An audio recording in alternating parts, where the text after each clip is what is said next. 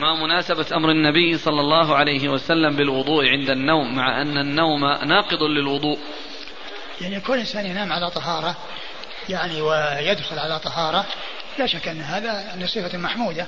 وإن كان النوم ينقض الوضوء لأنه ما معنى ذلك أنه سيستمر على طهارة. ولكن كونه ينام وهو على هيئة حسنة وعلى هيئة طيبة هذا هو هو الذي ينبغي. وليس مقصود من ذلك أنه يعني معناه أنه يعني سيبقى لأن النوم ينقض الوضوء العين وكاء السه فإذا نامت العين استطرق الوكاء قال حدثنا مسدد قال حدثنا يحيى عن فطر بن خليفة قال سمعت سعد بن عبيدة قال سمعت البراء بن عازب رضي الله عنهما قال قال لي رسول الله صلى الله عليه وآله وسلم إذا أويت إلى فراشك وأنت طاهر فتوسد يمينك. ثم ذكر نحوه. ثم أورد أبو داود الحديث من طريق أخرى وفيه ذكر التوسد اليمين والذي قبله فيه ذكر النوم على الشق الأيمن. ويعني وفيه فيه النوم على الشق الأيمن. يعني ففيه الجمع بينهما. الحديث يعني هذا يدل على أنه يتوسد يمينه نعم وهناك ينام على شقه الأيمن. نعم. قال حدثنا مسدد عن يحيى. يحيى بن سعيد القطان. هو ثقة أخرجه أصحاب في الستة. عن فطر بن خليفة. عن فطر بن خليفة وهو صدوق أخرجه البخاري وأصحاب السنن. عن سعد بن عبيدة عن سعد عن, عن البراء بن عازب. وقد مر ذكرهما. قال حدثنا محمد بن عبد الملك الغزال قال حدثنا محمد بن يوسف قال حدثنا سفيان عن الأعمش ومنصور عن سعد بن عبيدة عن البراء بن عازب رضي الله عنهما عن النبي صلى الله عليه وآله وسلم بهذا. قال سفيان قال أحدهما إذا أتيت فراشك طاهرا. وقال الآخر توضأ وضوءك للصلاة وساق معنى معتمر. ثم ورد الحديث من طريقة أخرى. وفيه يعني وهو مثل الذي قبله مع بيان اختلاف آه، الراويين الذين اشترك في روايته وأن أحدهم عبر يعني بأن إذا أتى فراشه يتوضأ والثاني يقول أنه يأتي ينام وهو طاهر. يعني آه، المعنى واحد واللفظ مختلف. المعنى واحد واللفظ مختلف. قال حدثنا محمد بن عبد الملك الغزال. محمد بن عبد الملك الغزال هو؟ ثقة أخرجه أصحاب السنن. ثقة أخرجه أصحاب السنن. عن محمد بن يوسف. محمد بن يوسف الفريابي ثقة أخرجه أصحاب الكتب الستة. عن سفيان. عن سفيان هو الثوري. عن الأعمش ومنصور. الأعمش سليمان سليمان المهران الكاهلي ثقة أخرجه أصحاب الكتب الستة. ومنصور هو ابن المعتمر الذي مر ذكره. عن سعد بن عبيدة عن البراء بن عازب. وقد مر ذكرهما. قال حدثنا أبو بكر بن أبي شيبة قال حدثنا وكيع عن سفيان عن عبد الملك بن عمير عن ربعي عن حذيفة رضي الله عنه أنه قال كان النبي صلى الله عليه وعلى آله وسلم إذا نام قال اللهم باسمك أحيا وأموت وإذا استيقظ قال الحمد لله الذي أحيانا بعدما أماتنا وإليه النشور ثم رد حديث حذيفة رضي الله عنه أن في الذكر عند النوم وبعد القيام من النوم. كان إذا نام قال اللهم باسمك أحيا وأموت. وإذا استيقظ قال الحمد لله الذي أحيانا بعدما أماتنا وإليه النشور اللهم باسمك أحيا وأموت. يعني أنه يعني عندما ينام يقول هذا اللفظ لأنه يعني يحيا بقدرة الله ويموت بقدرة الله وبمشيئة الله وإرادته. والإنسان في نومه قد يعني يعود إلى الحياة بعد أن تأخذ هذه الموتة الصغرى التي هي النوم. وقد يعني يعني يستمر يعني في هذه النومة يفارق الحياة كما جاء في القرآن الله يتوفى الأنفس حين موتها والتي لم تمت في منامها والتي لم تمت في منامها يعني يتوفاها. فيمسك التي قضى عليها الموت فإنها تستمر وتبقى ويعني يحصل ويرسل الأخرى إلى أجل مسمى يعني التي ما قضى عليها الموت في هذه النومة فإنها تعود إلى الحياة. هنا قال باسمك أحيا وأموت يعني أنه آه، قد يعود إلى الحياة وقد تكون هذه النومة يعني يكون فيها موته ويفارق الحياة بها. فالإنسان يعني يعتمد على الله ويجعل كل شيء بيد الله عز وجل ويعظم الله عز وجل بأن يكون كل شيء بقدرته ومشيئته وإرادته فهو المحيي المميت. والإنسان بنومه قد يحيا بعد هذه النومة وقد يموت. ثم قال وإذا استيقظ قال الحمد لله الذي أحيانا بعدما أماتنا وإليه النشور وفي هذا فيه ذكر إطلاق أن النوم يطلق عليه موت. يعني أحيانا بعدما أماتنا يعني في النوم كما في الآية التي ذكرتها الله يتوفى الأنفس حين موتها والتي لم تمت في منامها.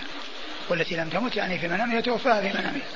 فيمسك التي قضى عليها الموت ويرسل الأخرى إلى أجل مسمى وهي التي حصلت لها الحياة. يرسل الأخرى يعني في هذه الحياة إلى أجل مسمى إلى الأجل الذي جاء فيه الموت وفي إطلاق يعني على النوم أنه موت. وقد جاء في الحديث النوم أخو الموت وأهل الجنة لا ينامون. النوم أخو الموت وأهل الجنة لا ينامون. ثم قال وإليه النشور أي البعث. يعني يعني فإن الناس يبعثون من قبورهم و يعني يجتمعون في المكان وفي الصعيد الذي يأتي الله عز وجل لفصل القضاء بينهم فيحاسبهم ويذهبون إلى منازلهم من الجنة أو النار. نعم. قال حدثنا أبو بكر بن أبي شيبة. أبو بكر بن أبي شيبة ثقة أخرج أصحاب كتب الستة إلا الترمذي. عن وكيع. وكيع بن الجراح مر ذكره. عن سفيان عن عبد الملك بن عمير. سفيان مر ذكره عبد الملك بن عمير هو ثقة أخرج أصحاب الكتب. ثقة أخرج أصحاب الكتب الستة عن ربعي عن ربعي بن حراش وهو ثقة أخرج له أصحاب الكتب الستة. أصحاب الكتب الستة. عن حذيفة. عن حذيفة بن اليمان رضي الله عنهما وهو صحابي أخرج له أصحاب الكتب الستة. هل يمكن للإنسان أن يذكر أن يجمع هذه الأذكار في نومه؟ يمكن. وهل هذه الأذكار خاصة بنوم الليل؟ والله الذي يبدو الذي يبدو أن أنها تكون نوم الليل. يعني لكن كون الإنسان يعني يعني يذكر يعني بعضها التي ما جاء فيها ذكر البيتوتة يعني يبدو أنه لا بأس بذلك لأنه عند النوم لكن الغالب أن النوم يكون بالليل وأن الأذكار تكون في الليل. قال حدثنا أحمد بن يونس قال حدثنا زهير قال حدثنا عبيد الله بن عمر عن سعيد بن أبي سعيد المقبري عن أبيه عن أبي هريرة رضي الله عنه أنه قال قال رسول الله صلى الله عليه وعلى آله وسلم إذا أوى أحدكم إلى فراشه فلينفض فراشه بداخلة إزاره فإنه لا يدري ما خلفه عليه. ثم ليضطجع على شقه الأيمن ثم ليقل باسمك ربي وضعت جنبي وبك أرفعه إن أمسكت نفسي فارحمها وإن أرسلتها فاحفظها بما تحفظ به عبادك الصالحين. ثم أبو, أبو داود حديث أبي هريرة أن النبي صلى الله عليه وسلم قال إذا إذا أوى أحدكم إلى فراشه إذا أوى أحدكم فليضطجع على شقه الأيمن. فلينفض فراشه. فلينفض فراشه فراشه بداخلة إزاره. يعني من جهة يعني داخل الإزار الإنسان يكون عليه إزار. يعني فيضع يده يعني من الظاهر وينفض يعني فراشه بداخلة الإزار يعني الذي مما يلي جسده. الذي يلي الذي يلي جسده وقيل إن الحكمة في ذلك أنه قد يكون عليه يعني شيء يعني اما وسخ أو يعني يعني آه، آه، يعني هوام أو أو يعني شيء من ذلك فإنه يذهب بهذا بهذا آه، بهذا النفض بداخلة إزاره ثم فإنه لا يدري ما خلفه عليه. فإنه لا يدري ما خلفه عليه. يعني إيش الذي حصل له؟ يعني بعد أن تركه أو قبل أن يأتي إليه لا يدري إيش الذي يعني خلفه. ومن المعلوم أن هذا يتعلق بهوام أو, أو غبار أو وسخ وما إلى ذلك. وأما بالنسبة للجن فإن الذي يذهبهم التسمية والتعوذ بالله يعني هذا هو الذي يذهب يعني الجن. وإنما المقصود من ذلك أن يكون هوام أو يكون هناك أشياء يعني يعني آه، غبار أو هواء أو يعني وسخ أو شيء من ذلك. نعم. ثم ليضطجع على شقه الأيمن. ثم يضطجع على شقه الأيمن وهذا مثل الذي مر في حديث البراء أنه يضطجع على شقه الأيمن وقد جاءت الرواية الأخرى أنه يعني يجعل يده تحت خده. نعم. ثم, ثم ليقل باسمك ربي وضعت جنبي وبك أرفعه. باسمك ربي وضعت جنبي وبك أرفعه. يعني وضعت جنبي يعني في النوم وبك أرفعه يعني يعني آه، يحصل لي القيام ورفعه يعني بعد النوم. كل ذلك بالله ومن الله وكل ذلك بمشيئة الله وإرادته مثل قوله بك أحيا وبك أموت. لأن يعني بك يعني الذي هناك مثل هنا أضع جنبي وأرفعه يعني أحيا وأموت. يعني يضع جنبه يعني ينام وتحصل له الموتة هذه الصغرى وقد يعني تحصل له الموتة الكبرى في هذه النومة ويعني وبك أحيا يعني من, من هذه النومة. وهنا أضع جنبي وأرفعه وهو مثل أحيا وأموت. نعم. إن أمسكت نفسي فارحمها. إن أمسكت نفسي يعني معناه أنك قبضتها في هذه النومة وأنني, وأنني خرجت من الدنيا بالموت في حال النوم فارحمها يعني برحمتك. وإن أرسلتها بمعنى أنها يعني ما حصل لها الموت ولكنها عادت وحصلت لها الحياة وحصل لها الانتباه من النوم فالمطلوب أن يحفظها بما يحفظ به عباده الصالحين. وذلك بالاستقامة على أمر الله وطاعة الله وطاعة رسوله عليه الصلاة والسلام حتى يموت الإنسان وهو على حالة طيبة. قال حدثنا أحمد بن يونس. أحمد بن يونس أحمد بن عبد الله بن يونس ثقة. أخرج له أصحاب كتب الستة. عن زهير. زهير بن معاوية ثقة. أخرج له أصحاب كتب الستة. عن عبيد الله بن عمر. عبيد الله بن عمر وهو ثقة. أخرج له أصحاب كتب الستة. عن سعيد بن أبي سعيد سعيد بن أبي سعيد المقبري ثقة. أخرج له أصحاب كتب الستة. عن أبيه وكذلك ثقة. أخرج له أصحاب كتب الستة. عن أبي هريرة رضي الله عنه و وهو أكثر الصحابة حديثا على الإطلاق. رضي الله عنه وأرضاه. والله تعالى أعلم. وصلى الله وسلم وبارك على عبده ورسوله نبينا محمد وعلى آله وأصحابه أجمعين. يقول السائل هل النفض للفراش أمر تعبدي أم أمر متعلق بخشية وجود شيء على الفراش؟ على معنى الإنسان الإنسان يفعل هذا الفعل يعني سواء كان فيه شيء أو لم يكن فيه شيء.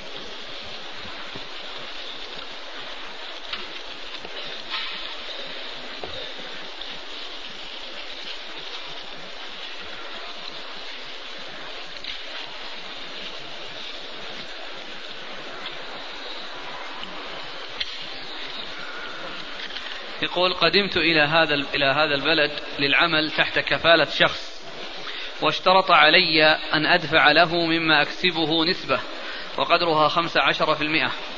فهل هذا العمل يجوز؟ وما المخرج إن كان هذا العمل لا يقره الشرع؟ هذا يرجع إلى تنظيم الدولة. والدولة إنما تأذن للأشخاص بأن يستقدموا أشخاصا للقيام بأعمال لهم. وأن يكونوا يعني آه، آه، آه، قائمين بالعمل تحت يعني إشرافهم وتحت توجيههم. وأما أن يأتي بأناس ثم يطلقهم يتكسبون ويعطونه نسبة وهم قد أرسلهم لا يعرف عنهم إلا أنهم في آخر الشهر يعطونه الراتب الذي يعني يفرضه عليهم. فهذا يعني لا يتفق مع الغرض الذي من أجله حصل الاستقدام. ونستخدمها للحاجة حاجتي هو ليستخدمه أما أن يستخدم أناس ويرسلهم فهذا يعني آه، عمل غير صحيح. وفي نفس الوقت أيضا يعني هذا مما يخشى من ورائه الأضرار. لأن الإنسان يفلت ولا يدري ما يحصل من وراء إفلاته وقد يحصل منه أمور لا تحمد عقباها وقد يسرق وقد يحصل منه يعني اعتداء على أحد. ما دام أنه مهمل ولا يعرف الإنسان إلا في آخر الشهر يأتي يعطيه النسبة التي فرض عليه.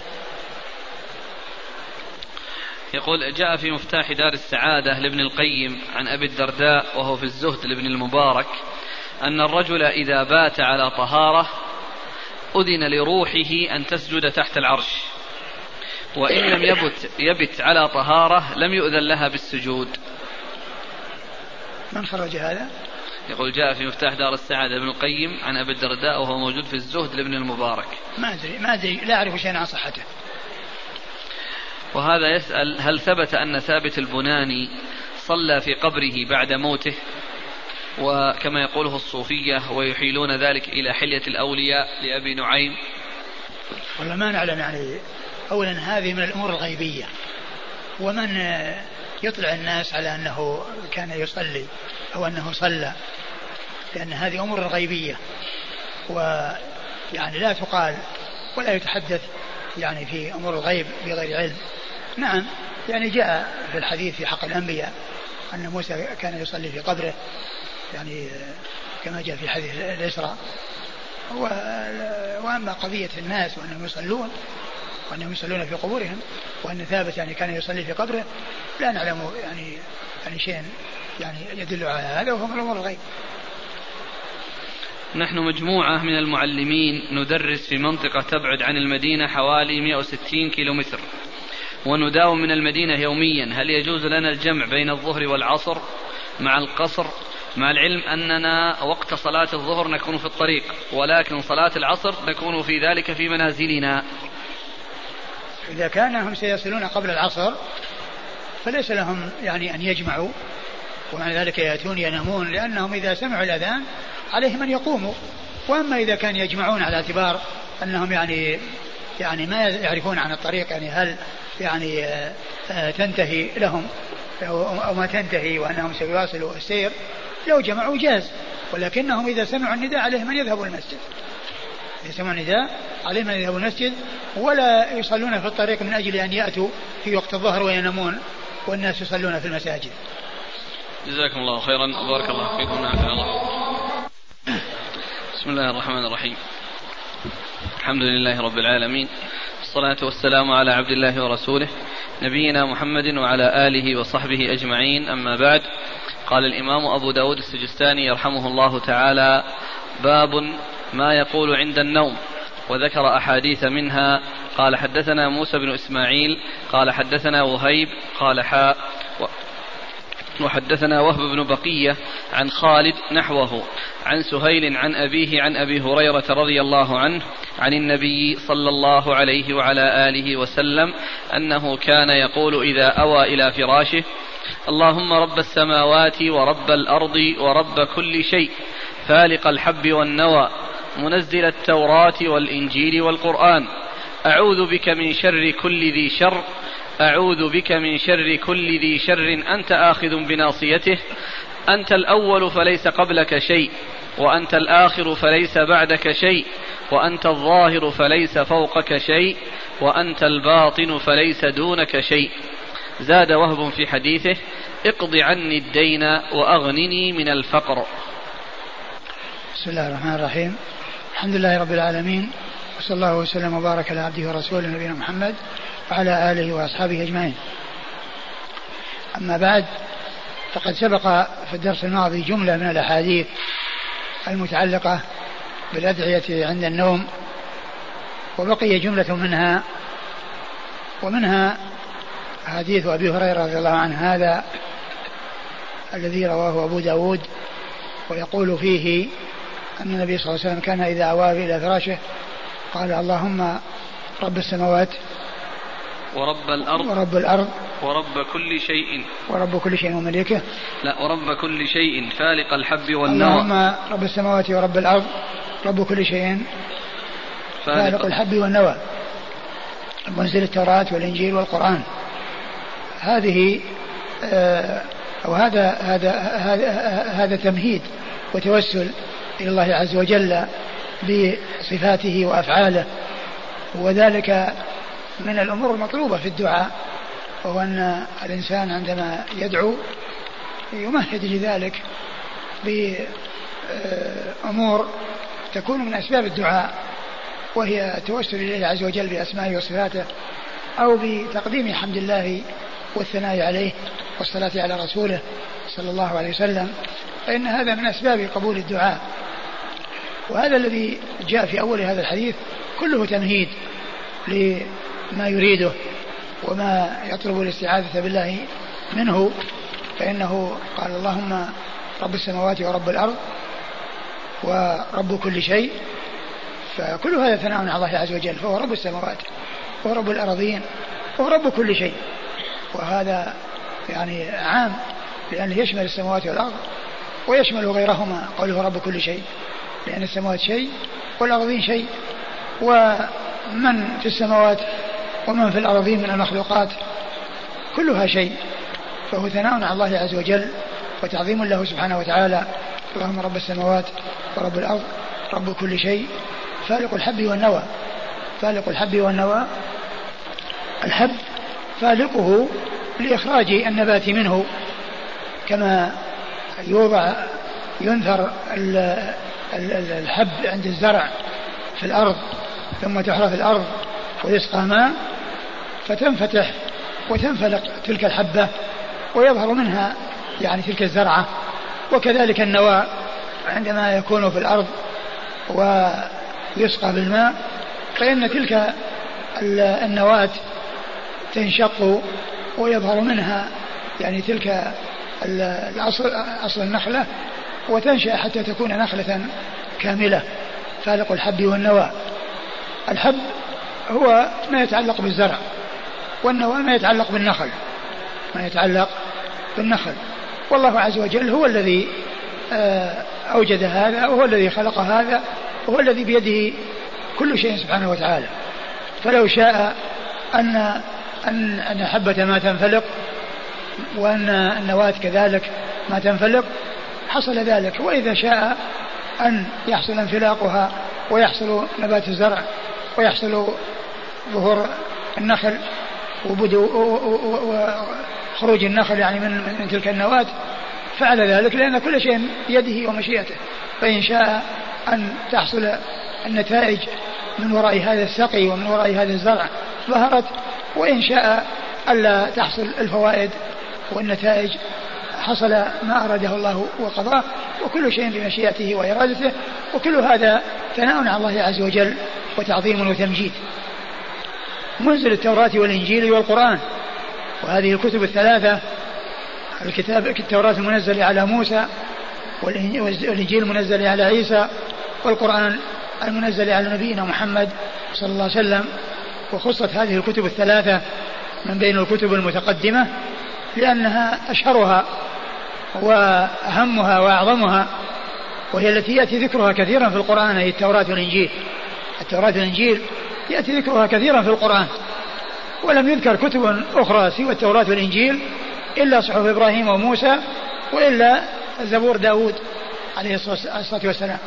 صحف إبراهيم وموسى جاءت في موضعين في سورة النجم وفي سورة الأعلى وزبور داود جاء في موضعين في سورة النساء وفي سورة الإسراء. وأما التوراة فجاءت في مواضع كثيرة بلفظ الكتاب وبلفظ التوراة وكتاب أيضا عيسى عليه الصلاة والسلام جاء بلفظ الإنجيل كثيرا في القرآن. ف والقرآن هو خير الكتب وأفضلها وخاتمها وخاتمها فخصت هذه الثلاثة لأنها أشهر الكتب المنزلة من عند الله عز وجل. منزل التوراة والإنجيل والقرآن. إيش؟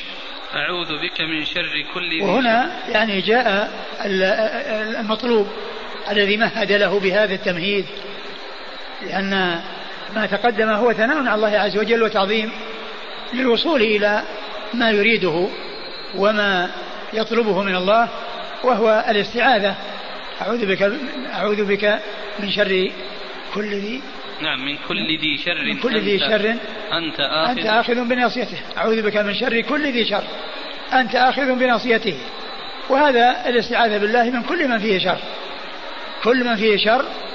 الله عز وجل هو الآخذ بناصيته الذي بيده أمره وبيده التصرف فيه وهو الذي يجعله يضر ويجعله لا يضر فيسلم من ضرره. ومن أعظم ما يكون في الوقاية من الضرر سؤال الله عز وجل ودعائه لأن هذا من أعظم الأسباب التي يحصل بها السلامة والوقاية من الشرور وأصحاب الشرور. نعم. كل ذي شر.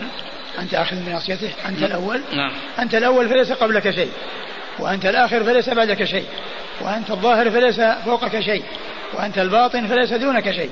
وهذه أسماء أربعة من أسماء الله عز وجل.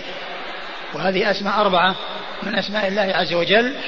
قد جاءت في هذا الحديث وقد جاءت في سورة الحديد. وقد جاءت في أول سورة الحديد. هذه الأسماء الأربعة. وجاءت في هذا الحديث عن رسول الله عليه الصلاة والسلام. وفيه أيضا توضيحها وبيانها لأنه قال أنت الأول فليس قبلك شيء. فهو أول ليس قبله شيء. كل شيء آيل إليه كل شيء آيل إليه. وكل شيء آه، تابع له. وكل شيء عقبه. وأما والأولية المطلقة إنما هي لله عز وجل هو الأول الذي ليس قبله شيء. وكل من سوى الله فإنما وجد بإيجاد الله. كل من سوى الله وجد بإيجاد الله عز وجل. كان عدما فأوجده. وخلقه بعد أن لم يكن. والله عز وجل هو الذي كان بلا بداية. وهو الذي يدوم بلا نهاية. سبحانه وتعالى. ولهذا ذكر هذين الاسمين المتقابلين الاسم الأول الذي ليس قبله شيء ويقابله الآخر الذي ليس بعده شيء.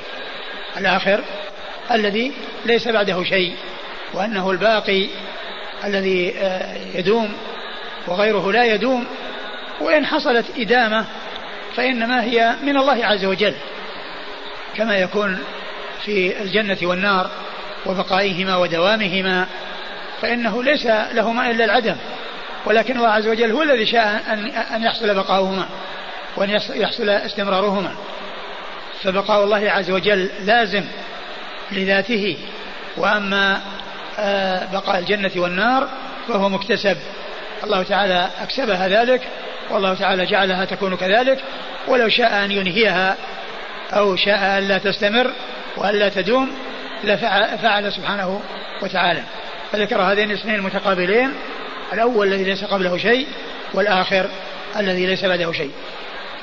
ثم قال وأنت الظاهر فليس فوقك شيء. أنت الظاهر فليس فوقك شيء. وهو ليس فوقه شيء لأنه عال على كل شيء فله علو القدر وعلو القهر وعلو الذات. كل هذه الأمور ثابتة لله عز وجل في علوه وفوقيته فهو عال وهو فوق كل شيء في في الذات والقدر والقهر فهو فوق فوق كل شيء قاهر له وهو فوق كل شيء عال عليه وهو فوق كل شيء في المنزلة في النفوس والمكانة في النفوس. لا يكون أحد أعلى منه ولا يكون أحد مقدم عليه كما قال النبي صلى الله عليه وسلم ثلاث ما كن فيه وجد بهن حلاوة الإيمان أن يكون الله ورسوله أحب إليه مما سواهما وأن يحب المرأة لا يحبه إلا لله أن يكون الله ورسوله أحب إليه مما سواهما. ومحبة الرسول صلى الله عليه وسلم تابعة لمحبة الله وإنما يحب غير الله وفقا لما جاء عن الله وفقا لما جاء عن الله عز وجل وتكون المحبة وتفاوتها والتفاضل بين الناس وبين الخلق المحبة والفضل كل ذلك راجع إلى ما جاء عن الله عز وجل من آه، بيان التفاضل ومن يكون أفضل ومن يكون أعظم محبة. وأما الله عز وجل فهو الذي محبته مقدمة على كل شيء وكل شيء محبوب آه، وهو لله عز وجل فإنما هو تابع لمحبته سواء كان آه، ذلك المحبوب أشخاصا أو أفعالا فليس آه، سواء كانت أفعالا وصفات وما إلى ذلك فإنها تحب من أجل أن الله تعالى شرعها ورغب فيها. ومن كان آه، آه، له مكانه وله فضل فيحب لفضله ولتفضيل الله عز وجل إياه.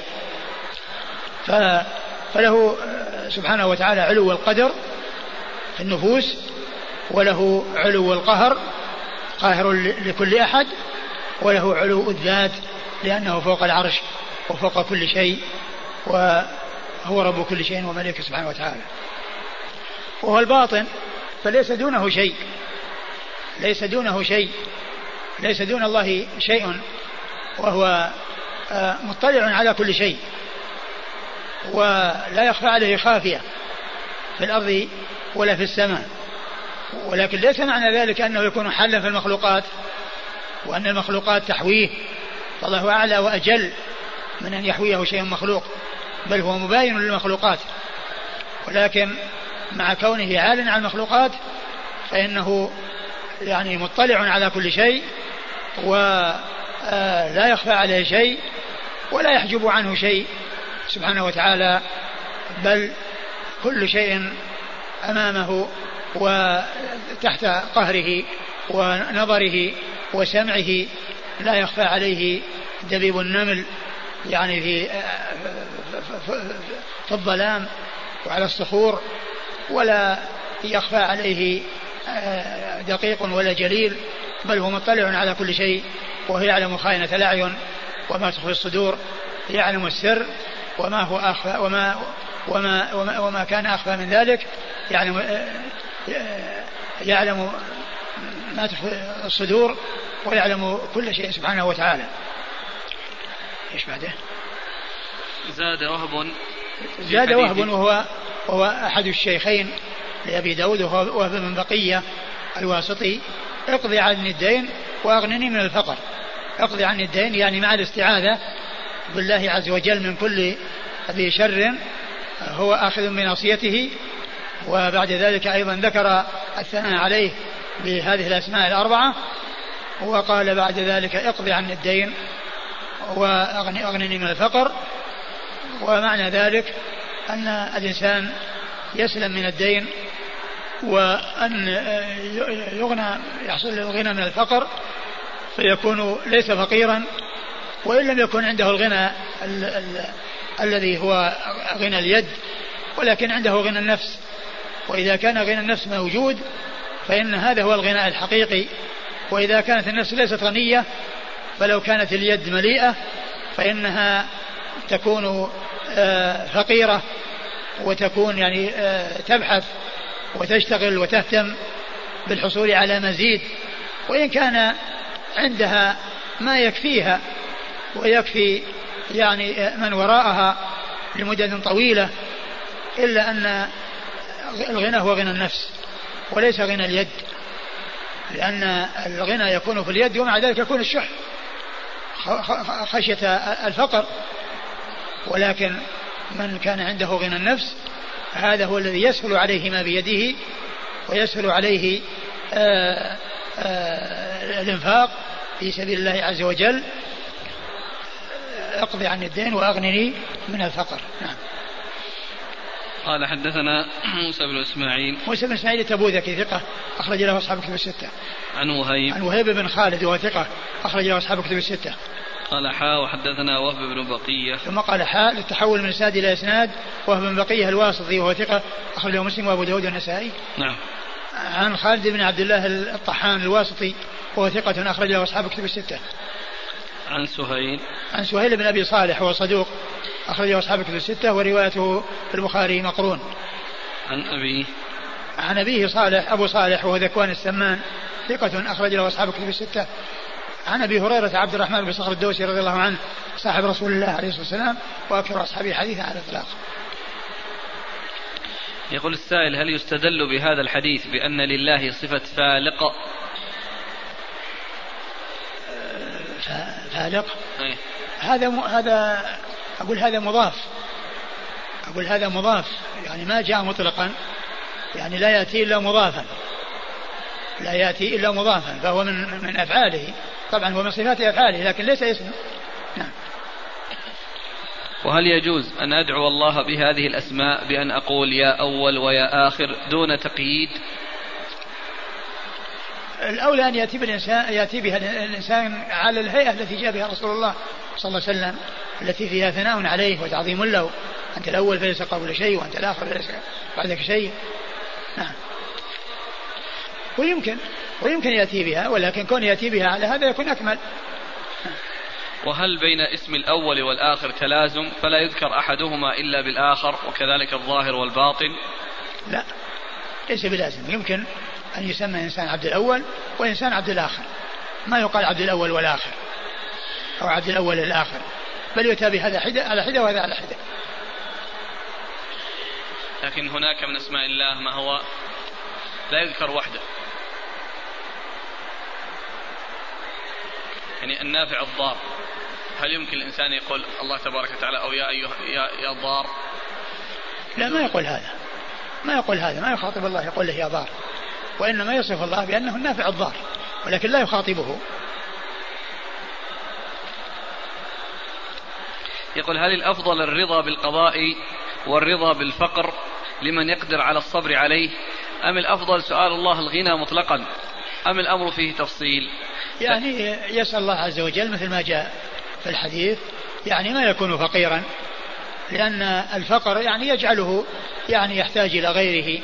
ويجعله يعني ينشغل ولكن كونه يصير عنده الكفاف الذي لا ليس هناك غنى يطغيه ولا فقرا يعني يشغله وإنما يكون كفافا مثل ما كان عيش المصطفى صلى الله عليه وسلم كفافا. نعم.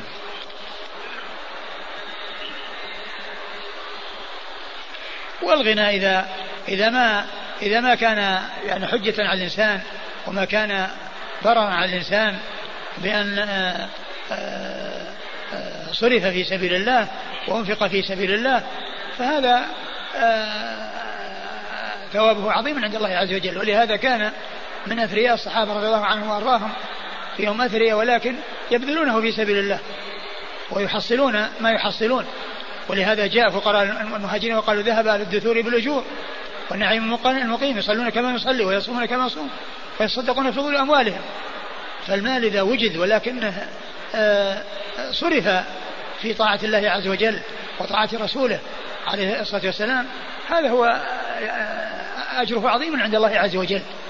ولكن كونه يسير بيد الإنسان ويشغله عن الخير ويمسك عليه فهذا آه، حصول المال عليه ضرر ضرر عليه وهو في نفس الوقت تعب له ونصب لأنه دائما مشغول فيه.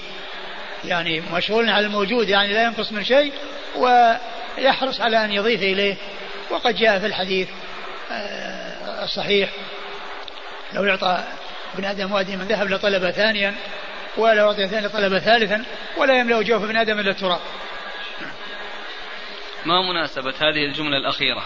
اقضي عني الدين وأغنني من الفقر بما قبلها من التوسل والدعاء. لأن كله كله يعني يعني مثل مثل الاستعاذة مثل الاستعاذة. الاستعاذة من كل كل ذي شر. وهنا أقضي عن الدين وأغني من الفقر. كل ذلك أمر مطلوب. يعني يريد أن يحصل ما هو آه، خير له وأن يسلم مما هو شر. فالأول سلامة من شر والثاني تحصيل خير. قال حدثنا العباس بن عبد العظيم العنبري قال حدثنا الأحوص يعني بن جواب قال حدثنا عمار بن رزيق عن أبي إسحاق عن الحارث وأبي ميسرة عن علي رضي الله عنه عن رسول الله صلى الله عليه وآله وسلم أنه كان يقول عند مضجعه اللهم إني أعوذ بوجهك الكريم وكلماتك التامة من شر ما أنت آخذ بناصيته اللهم أنت تكشف المغرم والمأثم اللهم لا يهزم جندك ولا يخلف وعدك ولا ينفع ذا الجد منك الجد. سبحانك وبحمدك. ثم رد أبو داود حديث علي بن أبي طالب رضي الله تعالى عنه الذي يقول فيه أوله كان يقول صلى الله عليه وسلم عند مضجعه اللهم إني أعوذ بوجهك الكريم. كان عليه الصلاة والسلام يقول عند مضجعه يعني عند اضطجاعه وعند نومه اللهم إني أعوذ بوجهك الكريم أعوذ بوجهك الكريم. وهذا فيه إثبات صفة الله عز وجل صفة الوجه لله سبحانه وتعالى. و ويأتي وتأتي صفة الوجه في القرآن والحديث ويراد بها تلك الصفة. لكن لا يقال إنها يعني دائما يراد بها نفس الصفة دون الموصوف فإنه يراد بها الصفة والموصوف. ولكنه لا يقال إن هذا عبارة عن الذات وليس لله صفة وجه بل لله ذات وله وجه. لله ذات متصفة بالصفات ومنها صفة الوجه. فإذا ذكرت الصفة وذكرت الذات لا بأس بذلك. وأما أن تفسر الصفة بالذات فهذا نفي للصفة وهذا غير سائغ لأن الذين يؤولون صفات يقولون إنه يعني يراد بالوجه الذات ولا يصفون الله بأن له وجه ولا يقولون من صفات الله الوجه وإنما يقول المراد به الذات عبر بالوجه عن الذات وإلا فليس لله وجه بل النصوص جاءت بذكر الوجه وهذا من صفات الله عز وجل و والاستعاذة آه، والبقاء إنما هو للذات المتصلة بالصفات ومنها صفات الوجه ولهذا قول الله عز وجل ويبقى وجه ربك ذو الجلال والإكرام. البقاء للذات والصفات ومنها الوجه. ولا يقال إن البقاء للذات وأنه ليس لله صفة الوجه. كما يقال ويبقى وجه ربك اي ذاته كما يقول المفسرون من من من, من يتأول وليس في صفة الوجه. فإثبات الذات وإثبات الوجه كل منهما حق. والوجه صفة للذات وكل منهما يثبت. فإذا قيل ويبقى وجه ربك ذي الجلال والإكرام يعني فيها إثبات صفة الوجه وإثبات أن البقاء لله عز وجل بذاته وصفاته ومنها صفة الوجه. أما أن يقال أن الوجه يراد به الذات وأنه ليس لله صفة الوجه فهذا طريقة أهل التأويل وأهل التعطيل الذين يعني لا يثبتون الصفات بل يتأولونها ويصرفونها عما تدل عليه إلى أمور أخرى يعني مقتضاها عدم إثبات الصفة وعدم بقائها وأنها وأنها وأن وجودها كلا وجود لأنه كما يقولون مجاز والمجاز يصح نفيه فمعنى ذلك أنه ليس لله وجه على قولهم وأما إذا أثبت الوجه وأثبتت الذات المتصفة التي من صفاتها الوجه فهذا كل فكل فكل ذلك حق. فيبقى وجه ربك ذي الجلال والإكرام. يعني يبقى الله عز وجل بذاته وصفاته ومنها صفة الوجه. ومنها صفة الوجه. وليس معنى ذلك أن البقاء للوجه وحده الذي هو الصفة دون الموصوف بل للذات المتصلة بالصفات ومنها صفة الوجه لله عز وجل. أعوذ بوجهك الكريم وكلمات وكلمات وكلماتك التامة وكلماتك التامة آه من شر ما أنت آخذ بناصيتك وكلماتك التامة الكلمات يعني يمكن أن تكون كلمات كونية وأن تكون كلمات شرعية دينية. والكلمات الكونية هي القدر والقضاء والقدر والذي قدر الله عز وجل أن أن يكون لأن هذه كلمات كلمات كونية. وكلمات شرعية التي هي القرآن. التي هي القرآن هذه الكلمات الشرعية. فكلمات الله تعالى الكونية تامة ونافذة ولا يتخلف يعني شيء منها وكلمات الشرعية تامة أيضا. كما قال الله عز وجل تمت كلمة ربك صدقا وعدلا. أي صدقا في الأخبار وعدلا في الأوامر والنواهي. فأخبارها صادقة وأحكامها عادلة. يعني هذه الكلمات التي هي الكلمات القرآنية أحكامها عادلة في الأمر والنهي وأخبارها صادقة. وتمت كلمات ربك صدقا وعدلا. يعني صدقا في الأخبار وعدلا في الأوامر والنواهي. صدقا في الأخبار وعدلا في الأوامر والنواهي. نعم. وهذه من الكلمات التي تأتي لمعنى كوني ولمعنى شرعي. يعني جملة من من من من الكلمات تأتي لمعنى كوني ولمعنى شرعي. منها الإذن ومنها القضاء ومنها الأمر ومنها الكتابة ومنها الكلمة أو الكلمات ويعني وغيرها. وقد ذكرها ابن القيم رحمه الله في كتابه إعلام في كتابه شفاء العليل ذكر فصلا خاصا أو بابا خاصا فيها وذكر جملة منها وأدلة على كل آه، واحد منها سواء كان كونيا أو شرعيا دينيا. وتمت كلمة ربك لأن جهنم يعني كلمة ربك اللي هو القضاء والقدر. يعني الكلمة هنا معنى القضاء والقدر. فتأتي الكلمة أو الكلمات لمعنى كوني وتأتي لمعنى شرعي ديني. نعم. و نعم. ومن شر ما أنت آخذ بناصيته. من شر ما أنت آخذ بناصيته. يعني كل شيء الله آخذ بناصيته. كل شيء تحت قبضة الله عز وجل وتصرفه. نعم. اللهم أنت تكشف المغرم والمأثم.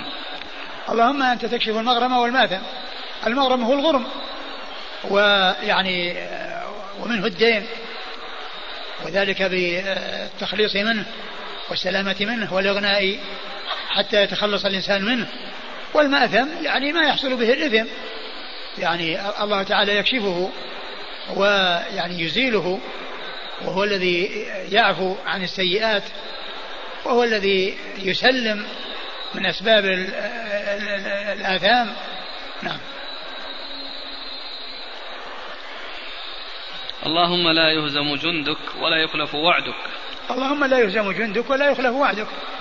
يعني جندك هم الغالبون ولا يهزمون ووعدك نافذ ولا يعني يحصل له خلف. نعم. لا ينفع ولا ينفع ذا الجد منك الجد. سبحانك وبحمدك. ولا ينفع ذا الجد منك الجد. لا ينفع صاحب الحظ حظه عندك وإنما ينفعه العمل الصالح. لأن الجد هو من الحظ والنصيب. ولا ينفع ذا الجد منك الجد ولا ينفع ذا الجد منك الجد يعني لا ينفع صاحب الحظ حظه عندك وإنما ينفعه العمل الصالح عند الله عز وجل الذي ينفع عند الله العمل الصالح. وأما الحظوظ الدنيوية سواء كانت مال أو جاه أو غير ذلك فإن هذه حظوظ دنيوية لا تنفع عند الله عز وجل إلا إذا كان يعني معها إيمان وتقوى واستقامة على طاعة الله عز وجل وطاعة رسوله صلى الله عليه وسلم فإن الجد هنا في الموضعين معناه الحظ والنصيب والمعنى ولا ينفع صاحب الحظ حظه عندك فالجد هو فاعل ينفع. يعني لا ينفع الجد أي الحظ والنصيب ذا الجد يعني صاحب الحظ. يعني قدم المفعول على الفاعل قدم المفعول فيه على الفاعل. ولا ينفع صاحب الحظ حظه عندك. وذكر أن من بمعنى بدل يعني ولا ينفع صاحب الحظ آه، حظه بدلا منك يعني بدلا من من من من طاعتك. بل الطاعة هي التي تنفع. الطاعة هي التي تنفع. ومن تأتي بمعنى البدل في بعض المواضع كما في قول الله عز وجل أرضيتم بالحياة الدنيا من الآخرة؟ يعني بدل الآخرة. أرضيتم بالحياة الدنيا من الآخرة؟ أي بدل الآخرة. وقوله قل من يكلأكم بالليل والنهار من الرحمن. أي بدل الرحمن. من الذي يكلأكم غير الرحمن أو بدل الرحمن؟ نعم. سبحانه والجد يأتي بمعنى آه، الجد الذي هو يعني أبو الأب وأبو الأم والذي هو الأب الثاني الأب الثاني أو من فوق الأب الأول من فوق الأب الأول يقال له جد سواء من جهة الأم أو من جهة الأب. ويأتي بمعنى الحظ والنصيب ويأتي بمعنى العظمة كما قال الله عز وجل وأنه تعالى جد ربنا عن الجن وأنه تعالى جد ربنا. يعني تعالت عظمته وجلاله. وكذلك في دعاء الاستفتاح. آه سبحانك اللهم تبارك اسمه وتعالى جدك. فإن هذا بمعنى العظمة. وهذه من الألفاظ التي تأتي لعدة معاني. اللفظ واحد ويكون لعدة معاني وهذه يسمونها المشترك اللفظي. المشترك اللفظي لأن اللفظ واحد ولكنه يطلق على عدة معاني. نعم. قال حدثنا العباس بن عبد العظيم العنبري. والمشترك المعنوي هو الاتفاق في المعنى مع التفاوت فيه. الاتفاق في المعنى مع التفاوت فيه. هذا قال له مشترك معنوي. لأن الإبصار الناس متفاوتون فيه. وكل من لم يكن أعمى فهو مبصر ولو كان بصره يعني ضعيف جدا. فيعني متفقون أو مشتركون في في المعنى مع التفاوت فيه. وأما المشترك اللفظي فإنه يطلق على كل واحد على حدة. هذا يطلق عليه جد وهذا يطلق عليه جد وهذا يطلق عليه جد. وقد يكون من الأضداد أيضا مثل عسعس فإنه يطلق على أقبل وعلى أدبر وهما ضدان. وكذلك القرء يطلق على الطاهر وعلى الحيض وهما ضدان. قال حدثنا عباس بن عبد العظيم العنبري. عباس بن عبد العظيم العنبري ثقة أخرج له البخاري تعليقا ومسلم وأصحاب السنة. عن الأحوص يعني بن جواب. عن الأحوص بن جواب وهو صدوق ربما وهم أخرجه مسلم وأبو داود والترمذي والنسائي. صدوق ربما وهم أخرجه مسلم وأبو داود والترمذي والنسائي. عن عمار بن رزيق. عن عمار بن رزيق وهو لا بأس به. أخرجه مسلم وأصحاب السنن. أخرجه مسلم وأصحاب السنن. عن أبي إسحاق. عن أبي إسحاق السبيعي وعمرو بن عبد الله الهمداني السبيعي وهو ثقة أخرجه أصحاب كتب الستة. عن الحارث. عن الحارث الأعور حارث بن عبد الله الأعور الهمداني وهو ضعيف. أخرج له أصحاب السنن. أصحاب السنن. وأبي ميسرة. ومعه أبو ميسرة وهو عمرو بن شرحبيل. عمرو بن شرحبيل وهو ثقة مخضرم أخرج له. أصحاب الكتب إلا ابن ماجه. أخرج أصحاب الكتب الستة إلا ابن ماجه. عن علي عن علي بن أبي طالب رضي الله عنه أمير المؤمنين ورابع الخلفاء الراشدين. هذه المهديين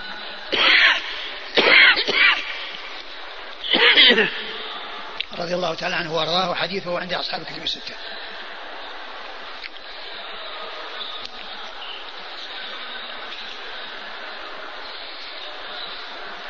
يقول هل يمكن أن يأتي لفظ الوجه ويقصد به الثواب كما في قوله يريدون يريدون وجهه؟ آه آه هذا من من آثاره. لا يقال أنه يراد به وحده لأن لأن في إثبات صفة الوجه إثبات صفة الوجه. ولكن من آثار يعني آه آه تلك الصفة أن الإنسان يطلب يعني آه يعني الثواب ومن ذلك النظر إلى الوجه الذي هو أكمل نعيم يكون لأهل الجنة. لكن لا يقال أن أنه يأتي الوجه يراد به الثواب فقط ولا يراد به إثبات الوجه. الشيخ يريد وجهه يريد وجهه يعني حتى يعني آه، رؤية وجهه. أيضا هذا يدخل وهو من الثواب وهو من أعظم الثواب بل هو أعظم ثواب رؤية الوجه. لأن أكمل نعيم عند أهل الجنة رؤية الله عز وجل. ولهذا ادخرها الله عز وجل في الدار الآخرة ولم يشأ أن يرى ولم يشأ أن يرى في الدنيا وهو والله تعالى قادر على أن أن أن يراه. عباده لو شاء ذلك. ولكنه لما كانت رؤية الله عز وجل أكمل نعيم يكون لأهل دار النعيم ادخرها الله عز وجل في الآخرة. وذلك أن نعيم الدنيا نعيم الآخرة لا يأتي في الدنيا. بل يبقى غيبا. ولهذا جاء في الحديث حديث الكسوف أنه لما عرضت عليه الجنة والنار ورأى عناقيد العنب متدلية وأراد أن يأخذ عنقودا ثم كف قال عليه الصلاة والسلام لو أخذت منه لأكلتم ما بقيت الدنيا. عنقود واحد يأكل الناس منه إلى نهاية الدنيا. فشاء الله عز وجل أن يكون ذلك غيبا وألا يحصل في الدنيا شيء من نعيم الآخرة. ومن نعيم الجنة. حتى يتميز من يؤمن بالغيب ومن لا يؤمن بالغيب. نعم. الحديث صحته وضعفه إيش؟ الحديث. هذا. هذا ضعف الألباني وما يعني ما يظهر فيه إلا كان عن عنة أبي إسحاق السبيعي وإلا الباقي. الباقون كلهم محتج بهم. إلا يكون هناك انقطاع أو, أو شيء يعني لا, لا أدري عنه. ولكن الذي يظهر ما يظهر يعني يعني شيء ظاهر إلا عن عنة أبي إسحاق. هل كلمات الله الشرعية هي القرآن فقط؟ لا ليس القرآن فقط التوراة والإنجيل. وكل ما تكلم الله عز وجل به مما هو تشريع مما هو تشريع كل ذلك كلام الله عز وجل. السنة تدخل لأنها وحي. والسنة تدخل والسنة تدخل. والسنة تدخل لكنها ليست يعني اللفظ. يعني لا يقال إن نفس اللفظ هو كلام الله. بل هو الرسول صلى الله عليه وسلم هو الذي هو كلام الرسول لكنه مبلغ لكلام الله عز وجل. كما قال وما ينطق عن الهوى إن هو إلا وحي يوحى. هو كلام الرسول صلى الله عليه وسلم يقال السنة كلام الرسول ولكنها مبلغة عن الله. بلغها أي السنة عن الله عز وجل. وما ينطق عن الهوى إن هو إلا وحي يوحى. وكذلك الأحاديث التي دلت على ذلك ومنها الحديث الذي أشرت إليه مرارا وهو قول آه، الرسول صلى الله عليه وسلم يغفر للشهيد كل شيء ثم قال إلا الدين سارني به جبريل آنفا. سارني به جبريل آنفا يعني الاستثناء. نعم. يقول الأخ في قوله تعالى كل شيء هالك إلا وجهه فسرها ابن كثير رحمه الله إلا ذاته. وقد ذكر أهل العلم ومنهم الشيخ ابن عثيمين والفوزان أن الإمام إذا كان من أهل السنة ومعروف بإثبات الصفات فإن كلامه في تفسير هذه الآية يرد إلى المحكم من كلامه في إثبات صفة الوجه. وأنه هنا فسر اللازم بالملزوم. آه نعم من جاء عنه من أهل السنة مع أنه يثبت مع أنه يثبت يعني الصفة لله عز وجل. لا يقال إنه يعني مؤول. أقول لا يقال إنه مؤول وإنما هو يثبت الذات ويثبت آه، الوجه الذي هو من صفة الذات. الذي هو من صفة الذات. ابن كثير ذكرها في التفسير.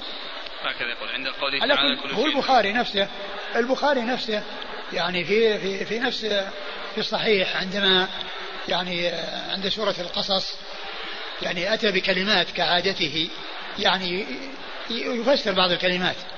ثم قال وجهه وعبر عنه بقوله ملكة. كل شيء يكون وجهه إلا إلا ملكة. يعني بعض الناس يقول إنها إلا ملكه. وهذا لا يستقيم. لأن قول كل شيء هالك إلا ملكه كل شيء هالك إلا وجهه. كل شيء هالك لأن كل شيء هو ملكه. فيكون معناه كل شيء هالك إلا كل شيء. كل شيء إلا كل شيء. وهو لا يستقيم ذكر الملك ولكن المقصود بها الملك. كل شيء هالك إلا ملكه. وهذا جاء عنه في التفسير ولكن جاء عنه في سورة في, في كتاب التوحيد ذكر الوجه وذكر الآيات التي في صفة الوجه والأحاديث التي في صفة الوجه.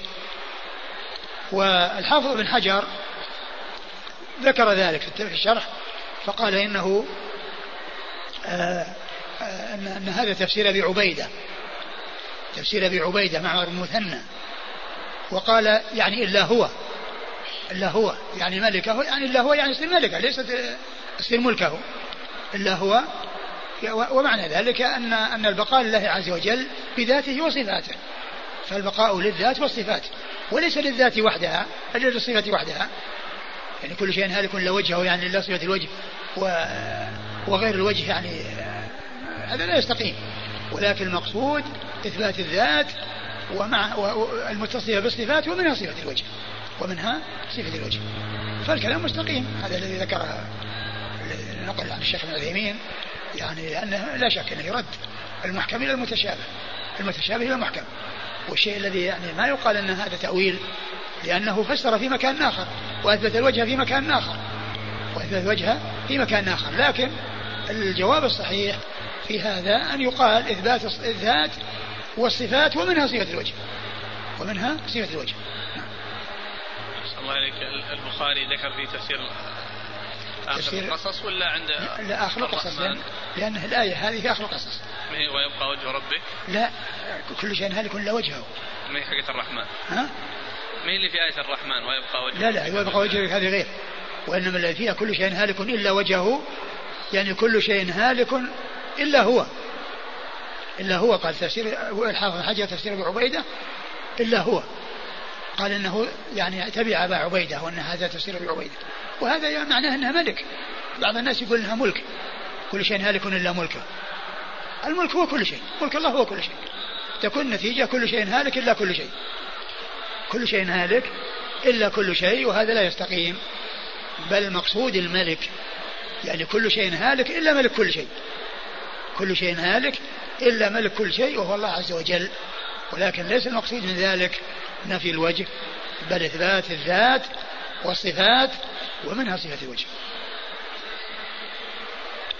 قال حدثنا عثمان بن أبي شيبة قال حدثنا اما أما الآية اللي في سوره الرحمن فكما هو معلوم يعني الوصف جاء للوجه للصفة.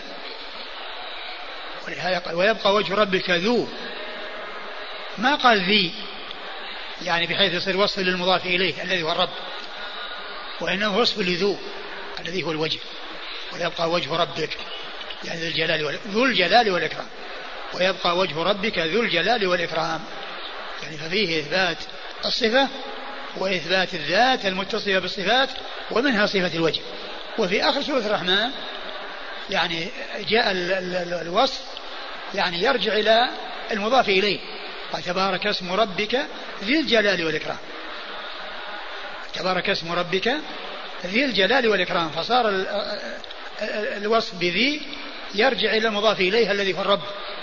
وأما في أول في, في, في آخر أول السورة فالوصف مرفوع بذو يرجع إلى الوجه. ويبقى وجه ربك ذو الجلال والإكرام. قال حدثنا عثمان بن أبي شيبة قال حدثنا يزيد بن هارون قال أخبرنا حماد بن سلمة عن ثابت عن أنس رضي الله عنه أن رسول الله صلى الله عليه وآله وسلم كان إذا أوى إلى فراشه قال الحمد لله الذي أطعمنا وسقانا وكفانا وآوانا فكم ممن لا كافي له ولا مؤوي. ثم ورد أبو داود حديث أنس. أنس بن مالك رضي الله عنه. أن النبي كان يقول إذا أوى إلى فراشه الحمد لله الذي أطعمنا وسقانا وكفانا وآوانا. فكم ممن لا كافي له ولا مؤوي الحمد لله الذي أطعمنا يعني رزقنا الطعام ويعني مكننا من استعماله ويعني جعلنا نستفيد منه وسقانا أيضا كذلك أن أنزل علينا الماء من السماء وأنبعه من الأرض. فتكون به يعني يكون يكون بذلك حصول طعامنا وشرابنا وكفانا من كل شر وآوانا يعني هيأ لنا المساكن التي نستكن بها من الحر ومن البرد ويعني نأوي إليها وكل هذه نعم هي من الله عز وجل هو الذي تفضل بها وهو الذي جاد بها وهو الذي المنعم المتفضل بكل نعمة والذي بيده كل شيء سبحانه وتعالى. فكم ممن لا كافي له ولا مؤوي يعني كثير من الناس ما يحصل لهم هذا الشيء ويحرمون هذه النعمة ونحن قد أنعم الله علينا بها وتفضل علينا بها. فنحن نشكر الله عز وجل على ذلك ونثني عليه ونعظمه. نعم. قال حدثنا عثمان بن أبي شيبة عثمان بن أبي شيبة ثقة أخرج له أصحاب كتب الستة إلى الترمذي والى النسائي فأخرج له في عمل اليوم والليله. عن يزيد بن هارون يزيد بن هارون الواسطي ثقة أخرج له أصحاب كتب الستة.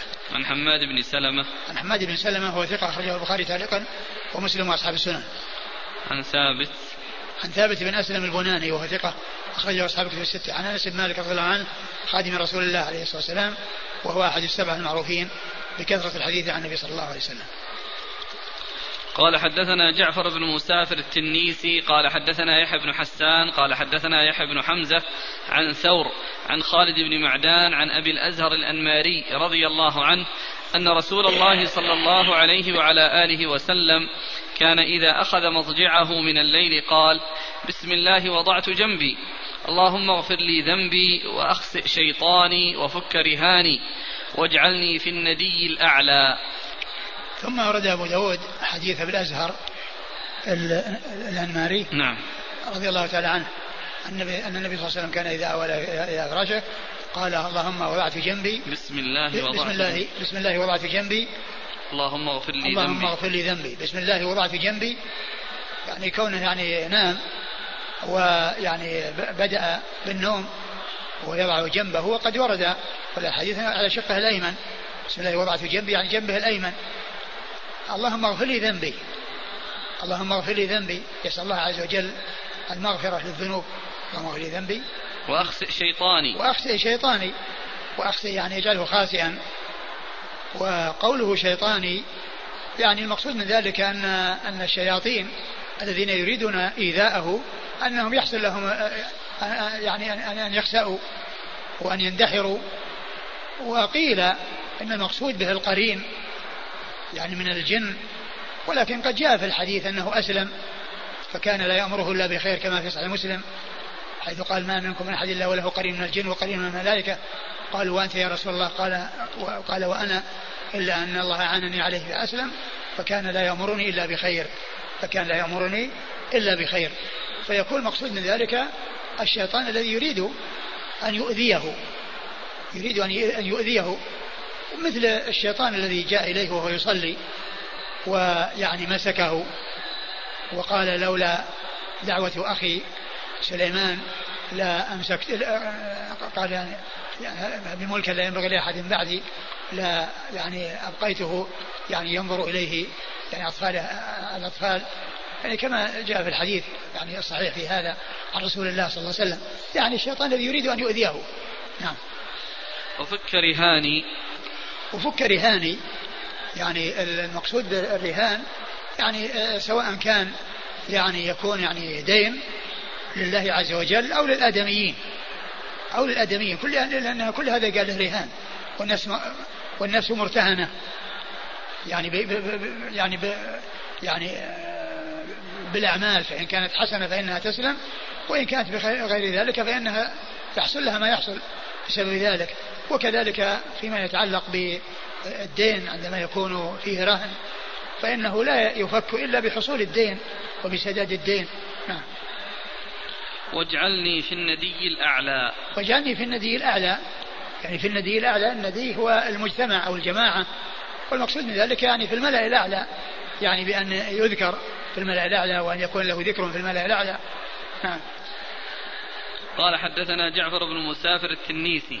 جعفر بن مسافر التنيسي هو صدوق ربما أخطأ أخرجه أبو داود والنسائي بن ماجه. صدوق ربما أخطأ أخرجه أبو داود والنسائي بن ماجه. عن يحيى بن حسان. عن يحيى بن حسان وهو ثقة أخرج له. أصحاب الكتب إلا ابن ماجه. أصحاب الكتب الستة إلا ابن ماجه. عن يحيى بن حمزة. يحيى بن حمزة وهو ثقة أخرج له. أصحاب الكتب. أصحاب الكتب الستة. عن ثور. عن ثور بن يزيد الحمصي وهو ثقة أخرجه البخاري وأصحاب السنن. عن خالد بن معدان. خالد بن معدان وهو ثقة أخرجه أصحاب الكتب الستة. عن أبي الأزهر الأنماري. عن أبي الأزهر الأنماري وهو صحابي أخرج له. أبو داود. أبو داود. قال أبو داود رواه أبو همام الأهوازي عن ثور قال أبو الأزهر أبو زهير الأنماري. ثم أورد طريقا أخرى معلقة قال قال أبو داود رواه أبو همام الأهوازي. أبو همام الأهوازي هو؟ صدوق هذا اسمه محمد بن الزبرقان. صدوق ربما وهم أخرج أصحاب الكتب إلا الترمذي. صدوق ربما وهم أخرج أصحاب الكتب الستة إلا الترمذي. عن ثور قال أبو زهير الأنماري. قال أبو زهير الأنماري الأزهر. نعم. قال حدثنا النفيلي قال حدثنا زهير قال حدثنا أبو إسحاق عن فروة بن نوفل عن أبيه رضي الله عنه أن النبي صلى الله عليه وآله وسلم قال لنوفل اقرأ قل يا أيها الكافرون ثم نم على خاتمتها فإنها براءة من الشرك. ثم ورد أبو داود حديث نوفل. نوفل رضي الله تعالى عنه نوفل الأشجعي. الأشجعي رضي الله عنه أن النبي صلى الله عليه وسلم قال له اقرأ. اقرأ قل يا أيها الكافرون ثم نم على خاتمتها اقرأ قل يا الكافرون ثم نم على خاتمتها فإنها براءة من الشرك. فإنها براءة من الشرك. فإنها براءة من الشرك. يعني اقرأ قل هو الله أحد ونم على خاتمتها. قل يا الكافرون. ثم ونم على خاتمتها فإنها براءة من الشرك. وهذا يدل على قراءة هذه السورة عند المنام كما أن قل هو الله أحد وقل أعوذ برب الفلق وقل أعوذ برب الناس أيضا كذلك تقرأ. ومثل آية الكرسي أيضا كذلك تقرأ كما جاءت في ذلك الأحاديث عن رسول الله صلى الله عليه وسلم. وآية وهذه السورة هي إحدى سورتي الإخلاص. ولهذا يقال لها وليقول هو الله أحد سورة الإخلاص. لأن هذه تتعلق بتوحيد العبادة اللي هي سورة الكافرون. وقل هو الله أحد تتعلق بتوحيد أسماء الله عز وجل وأسمائه وصفاته. ولهذا يقال لهما جميعا سورة الإخلاص. سورة الإخلاص. وهذه يقال لها الكافرون وهذه يقال لها الإخلاص. قل هو الله أحد يقال لها الإخلاص وهذه يقال لها الكافرون. ولكن يجمع بينهما ويثنيان فيقال سورة الإخلاص. وكما قلت السورة قل هو الكافرون تتعلق بتوحيد العبادة لأن كلها براءة من الشرك براءة من الشرك ولهذا قال كان فإنها فإنه يكون ذلك براءة من الشرك لأنها مشتملة على البراءة من الشرك. هي سورة مشتملة على البراءة من الشرك. نعم. قال حدثنا النفيلي النفيلي عبد الله بن محمد النفيلي ثقة أخرجه البخاري وأصحاب السنة عن زهير عن زهير بن معاوية ثقة أخرجه أصحاب الكتب الستة. عن أبي إسحاق عن فروة بن نوفل. مر ذكره عن فروة بن نوفل. بن نوفل الأشجعي وهو مختلف في صحبته أخرجه مسلم وأصحاب السنن. مختلف في صحبته أخرجه مسلم وأصحاب السنن عن نبيه نوفل الأشجعي وهو صحابي أخرج له. أبو داود والترمذي والنسائي. أبو داود والترمذي والنسائي. مر معنا في حديث البراء واجعلهن آخر ما تقول. وهنا يعني هنا قال نم عليها. يعني يمكن أن يكون يعني كل منهما في الآخر. كل منهما في الآخر بأن يقدم أحدهما على الآخر. ولكن قوله نم عليها نم على خاتمتها. نعم. هناك واجعلهن هنا, هنا نم على خاتمتها. على خاتمتها. على كل يعني آه هذه آه يعني ما جاء أنه يكون في الآخر يجعل في الآخر. يعني ولو تعدد ولو تكرر. نعم. ويمكن أن يكون يعني يقدم أحيانا هذا على هذا وهذا على هذا. المهم أن يكون الذي جاء فيه أنه آخر يكون آخرا. وإذا كان متعددا يمكن أن يقدم هذا في بعض الأحيان وهذا في بعض الأحيان. قال حدثنا قتيبة بن سعيد ويزيد بن خالد بن موهب الهمداني قال حدثنا المفضل يعني يعنيان بن فضالة عن عقيل عن ابن شهاب عن عروة عن عائشة رضي الله عنها أن النبي صلى الله عليه وآله وسلم كان إذا أوى إلى فراشه كل ليلة جمع كفيه ثم نفث فيهما وقرأ فيهما قل هو الله أحد وقل أعوذ برب الفلق وقل أعوذ برب الناس ثم يمسح بهما ما استطاع من جسده يبدأ بهما على رأسه ووجهه وما أقبل من جسده يفعل ذلك ثلاث مرات ثم ورد أبو داود حديث عائشة رضي الله عنها أن النبي صلى الله عليه وسلم كان إذا أوى إلى فراشه قرأ قل هو الله أحد يقول أعوذ برب الفلق قل هو, الله أحد يقول أعوذ برب الفلق قل أعوذ برب الناس. وينفث يعني ويمسح بيديه يعني وجهه ورأسه وما أمكنه من جسده. وهذا يعني فيه بالإضافة إلى القراءة المسح. فيه بالإضافة إلى القراءة المسح. نعم. قال حدثنا قتيبة بن سعيد قتيبة بن سعيد ثقة أخرجه أصحاب كتب الستة. ويزيد بن خالد بن موهب الهمداني. يزيد بن خالد بن موهب الهمداني ثقة أخرج له. أبو داود والنسائي بن ماجه. أبو داود والنسائي بن ماجه. عن المفضل يعنيان بن فضالة. المفضل يعنيان يعني الشيخين يعني, يعني لأنهم ذكروه آه، بدون نسبة والذي دون والذي دون الشيخين هو الذي نسبه سواء أبو أبو داود أو من دون أبي داود سواء أبو داود أو من دون أبي داود لأنه أحيانا يكون النسبة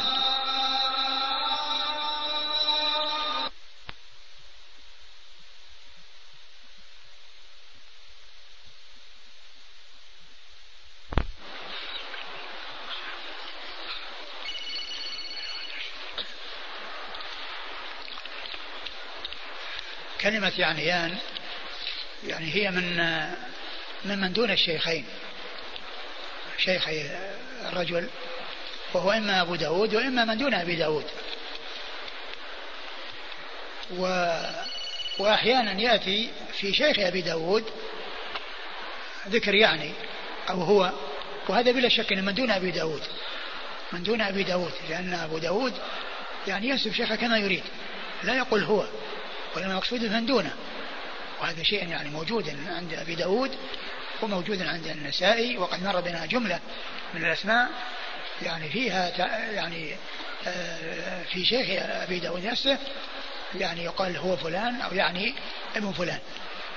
هنا قال يعني يعني أي الشيخين شيخ أبي داود يعني يعني آه، بالمفضل ابن فضالة. ابن فضالة.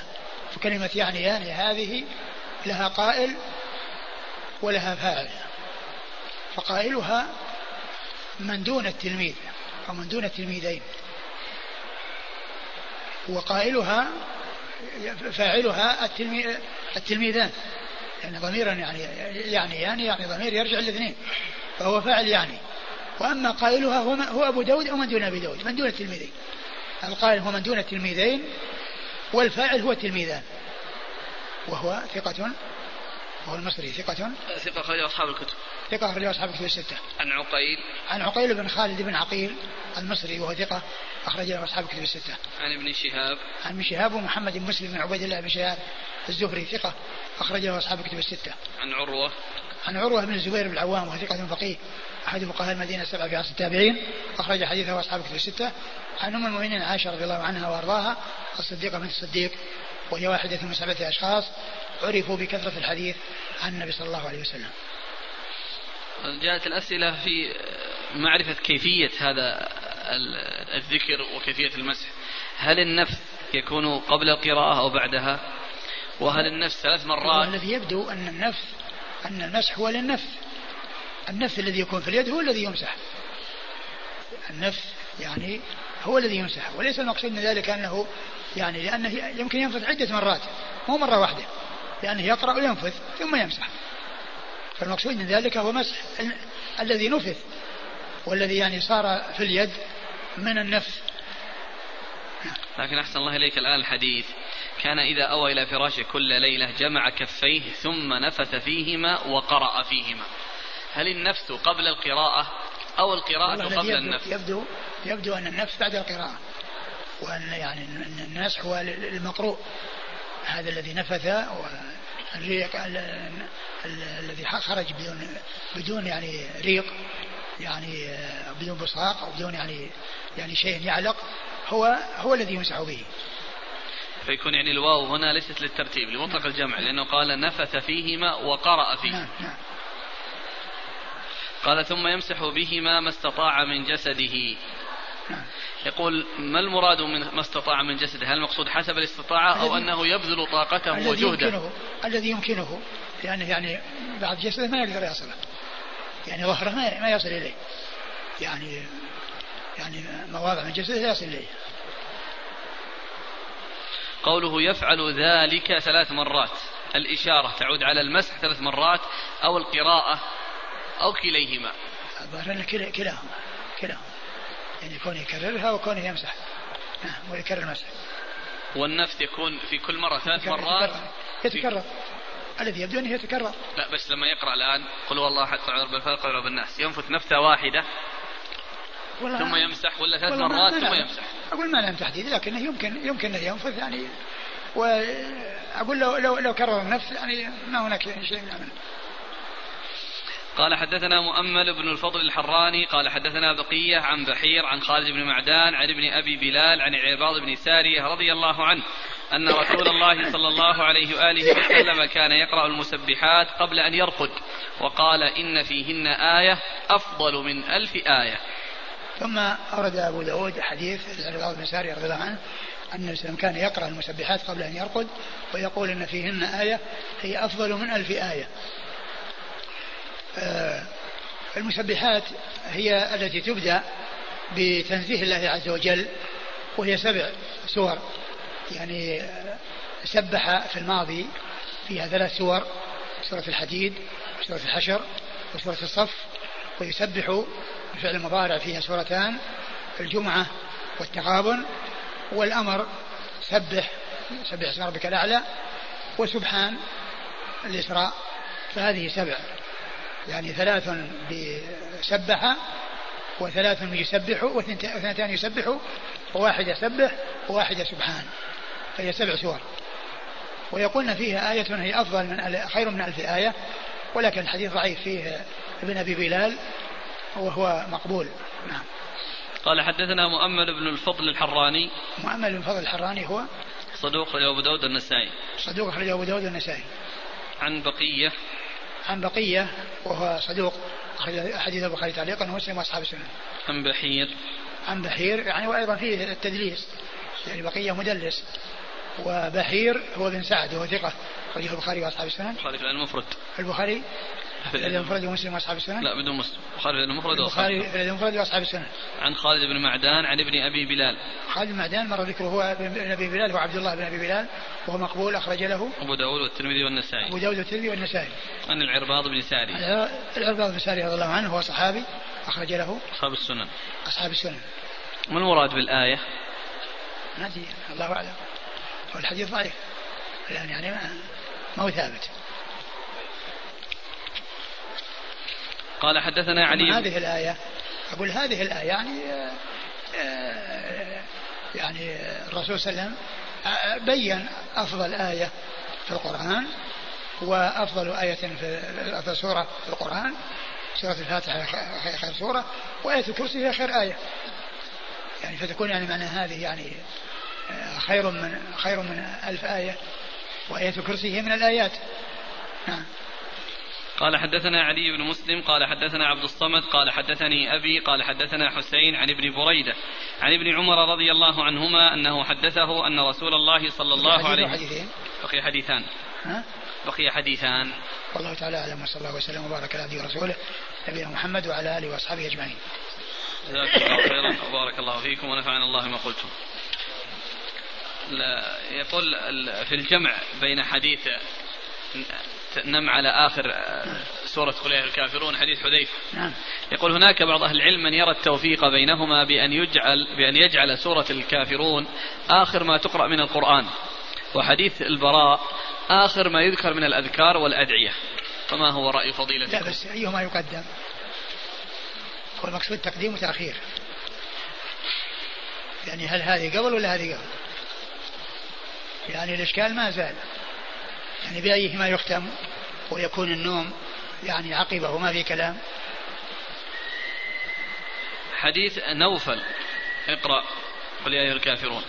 يقول أن هنا ضعفه الشيخ مقبل وقال فيه الترمذي أنه لا يثبت كما في الحاشية. فكيف نعم يصحح مع أن فيه هو تكلم فيه يعني الترمذي يتكلم فيه ابن, عبد البر وقال إنه لا يثبت. ولكن يعني يعني جاء يعني من يعني روايات كثيرة وأغلبه يدور على أبي إسحاق السبيعي وقد روى هذا العنعنه وهو مدلس. ولكن يعني يعني حسنه الحافظ ابن حجر وكذلك الألباني صححه. ويعني وابن كثير ذكره عند تفسير هذه السورة وذكر عدة طرق له وذكر طريقا آخر. ليس من طريق أبي إسحاق ولكنه يعني بيض يعني الاسم الصحابي الذي ف يعني بعض أهل حسنه لعله يعني من أجل يعني يعني وروده من طرق أخرى يعني غير الطريقة بإسحاق السبيعي. جزاكم الله خيرا وبارك الله فيكم ونفعنا الله ما قلتم. بسم الله الرحمن الرحيم. الحمد لله رب العالمين والصلاة والسلام على عبد الله ورسوله نبينا محمد وعلى آله وصحبه أجمعين. أما بعد قال الإمام أبو داود السجستاني يرحمه الله تعالى باب ما يقول عند النوم. وذكر أحاديث منها قال حدثنا علي بن مسلم قال حدثنا عبد الصمد قال حدثني أبي. قال حدثنا حسين عن ابن بريدة عن ابن عمر رضي الله عنهما أنه حدثه أن رسول الله صلى الله عليه وآله وسلم كان يقول إذا أخذ كان يقول إذا أخذ مضجعه الحمد لله الذي كفاني وآواني وأطعمني وسقاني والذي من علي فأفضل والذي أعطاني فأجزل الحمد لله على كل حال اللهم رب كل شيء ومليكه وإله كل شيء أعوذ بك من النار. بسم الله الرحمن الرحيم. الحمد لله رب العالمين وصلى الله وسلم وبارك على عبده ورسوله نبينا محمد وعلى آله وأصحابه أجمعين. أما بعد فقد سبق أن مر في الدرس الماضي جملة من الأحاديث التي أوردها الإمام أبو داود السجستاني رحمه الله تعالى في باب الدعاء عند النوم. وبقي يعني بعض الأحاديث وأولها حديث عبد الله بن عمر رضي الله تعالى عنهما أن النبي صلى الله عليه وسلم كان إذا أخذ مضجعه يعني من يعني للنوم أو من النوم قال الحمد لله الذي آواني وكفاني وأطعمني وسقاني.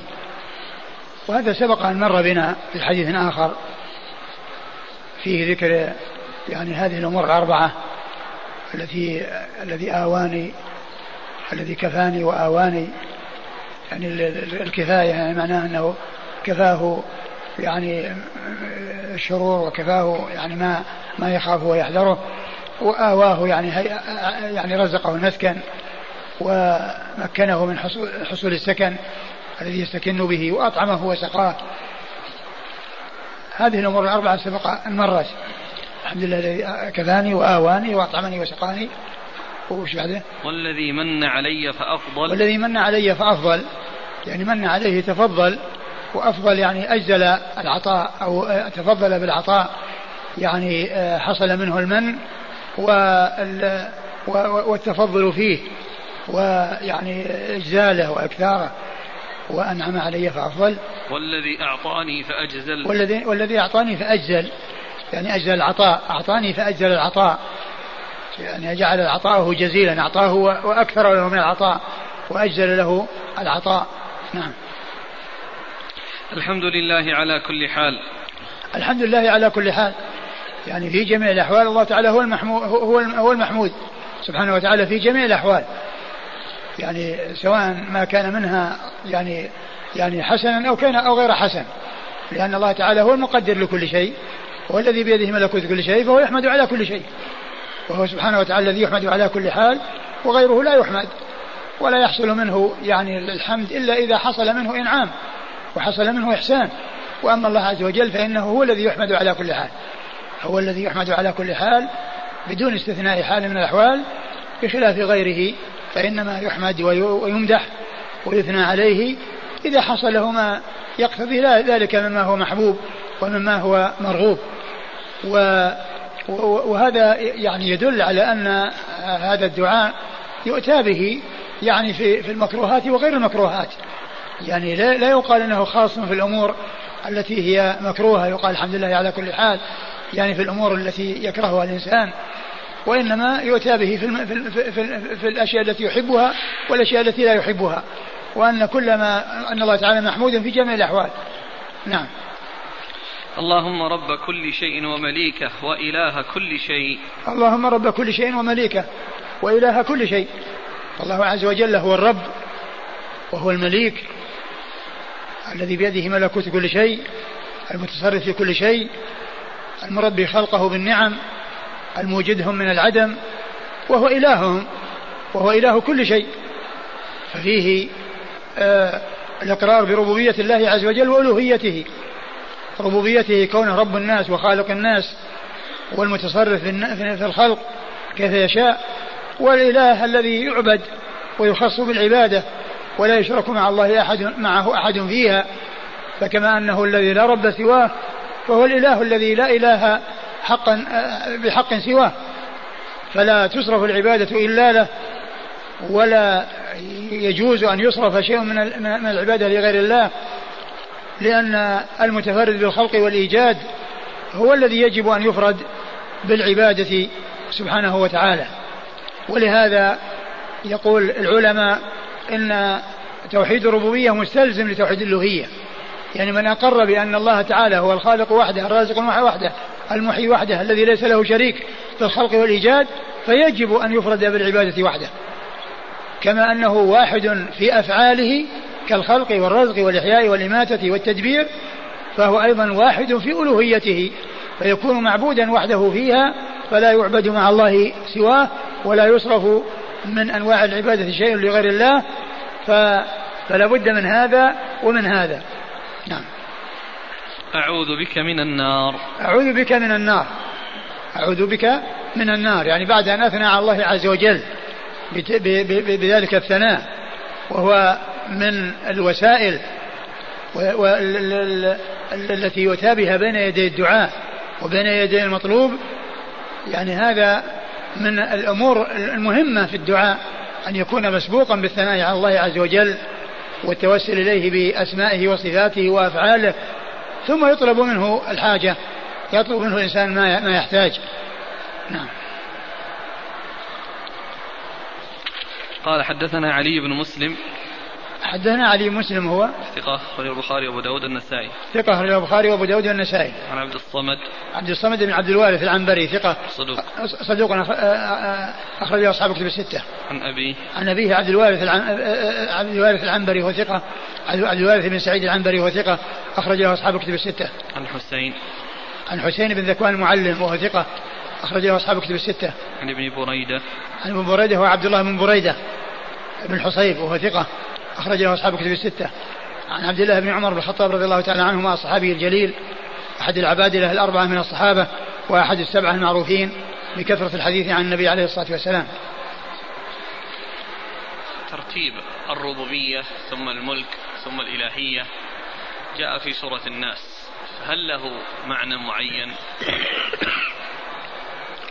كما هو معلوم الله تعالى هو الذي خلق وملك وهو مالك لكل ما خلق وهو الذي يجب أن يعبد. لأن كما هو معلوم أن العبادة تأتي بعد الخلق والملك. والله عز وجل هو المالك لكل شيء وهو الخالق لكل شيء. فيطلب من العباد أن يخصوه بالعبادة. ولعل يعني ذلك لأن هذا الترتيب هو لأن الله تعالى خالق مالك فإذا يجب أن يعبد. خالق فهو خالق الخلق وهو مالكه لا يكون خالقا ثم يكون غير مالك بل هو خالق مالك. ومن ومن خلق فهو فهو المالك لما يخلقه. وها وها وهؤلاء أو المخلوق المخلوقون أو من هم مكلفون من المخلوقين مأمورون بأن يفردوا الله عز وجل بالعبادة وأن يخصوه بالعبادة سبحانه وتعالى. الأخ يقول ثم ثم الأولان الذين هي الربوبية والملك كونه الرب وكونه المالك مستلزمة للألوهية. يعني من حصل منه الإقرار بهذا يلزمه أن يقر بهذا ويلزمه أن يأتي بهذا. كيف يعقل أن يكون هو هو الخالق وحده وهو الملك وحده المتصرف بالكون وحده والخلق كلهم مخلوقون لله؟ والله تعالى هو الذي أوجدهم من العدم. ثم يصرف لهم شيء من العبادة وهم مثل العابد الذي يعبده من دون الله. كيف يليق أن الإنسان يعبد مخلوقا مثله؟ بل المعبود هو الخالق الذي خلق الخلق وأوجدهم من العدم ورباهم بالنعم هو الذي يجب أن يفرد بالعبادة. أما مخلوق مثلك كان بعد أن لم يكن ثم تعطيه شيء من العبادة وتخصه بشيء من العبادة أو تشركه بالعبادة هذا هذا من أبعد ما يكون عن العقل وعن الفهم. الشيخ الألباني حكم على هذا الإسناد بأنه صحيح. فالأخ يسأل يقول لماذا قال صحيح الإسناد ولم يحكم على الحديث؟ فهل المتن فيه شيء؟ هو عادة هو عادة أنها إذا كان أن الحديث يعني آه، سبق أنه يعني آه، يعني خرج أو ذكر تخريجه أو ذكر الحكم الحكم عليه في موضع آخر فإنه يقول صحيح ويحيل. وأما إذا كان يعني الإسناد يعني يحكم عليه لأول مرة وأنه يعني ما يعني ما ما هو موجود في كتاب آخر يحيل عليه فغالبا يقول صحيح الإسناد الحديث من خرجه. خرج غير غير أبو داود. قال نسبه المنذري للنسائي أيضا ولعله في السنن الكبرى. نعم. لعل هذا هو السبب أنه يعني إذا قال صحيح الإسناد معناه أنه يعني الحكم عليه في هذا المكان وحكم عليه بالصحة يعني بهذا المكان. وإذا قال صحيح فإنه يقول آه، يشير إلى كتاب آخر مثل الترمذي أو مثل ابن ماجه أو مثل الكتب الأخرى التي ذكر المصادر أو المكان الذي آه، آه، استوفى فيه الكلام أو حقق فيه الكلام يعني يشير إليه في تلك الكتب. وأما إذا كان الحديث يعني ليس موجودا في الكتب الأخرى التي هي يعني كالترمذي أو كذا فإنه عادة يقول صحيح الإسناد.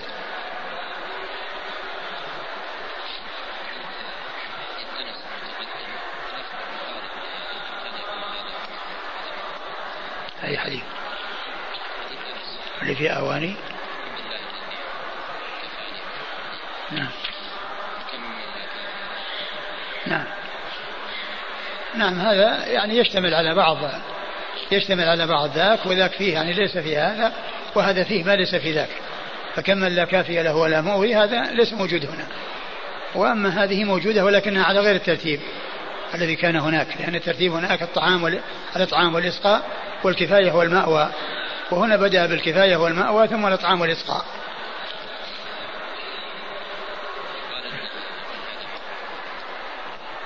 يمكن لكن بالنسبة لهذا الشيء اللي زاد الذي زائد وليس موجودا في ذاك يعني كما هو علم شيء زائد فهو يعني لو أتى بهذا بهذا الذي الذي هو كامل والذي فيه زيادة ليست يعني في ذاك هذا كما فيه كمل كافية له ولا مؤوي. وهذا وهذا يرجع لكفانا وأوانا ولكن هذا فيه أشياء أخرى غير هذا هذه الجملة التي ترجع إلى يعني تأكيد لأمرين ماضيين من جملة الأمور الأربعة. وإن أتى بهذا بهذا مرة وبهذا مرة لا بأس لكن هذا أكمل. لأن فيه يعني ثناء على الله عز وجل وفيه يعني آه، آه، استغفار في الآخر قال حدثنا حامد بن يحيى قال حدثنا أبو عاصم قال عن ابن عجلان عن المقبوري. عن أبي هريرة رضي الله عنه أنه قال قال رسول الله صلى الله عليه وآله وسلم من اضطجع مضجعا لم يذكر الله تعالى فيه إلا كان عليه ترة يوم القيامة ومن قعد مقعدا لم يذكر الله عز وجل فيه إلا كان عليه ترة يوم القيامة. ثم أورد أبو داود حديث أبي هريرة رضي الله عنه. من اضطجع مضجعا لم يذكر الله فيه إلا كان عليه ترة يوم القيامة. ومن قعد مقعدا لم يذكر الله فيه إلا كان عليه حسرة آه، ترة يوم القيامة. والترة هي النقص والحسرة. الترة هي الحسرة وهي مصدر يعني وتره يتره ترة ومنه آه، آه،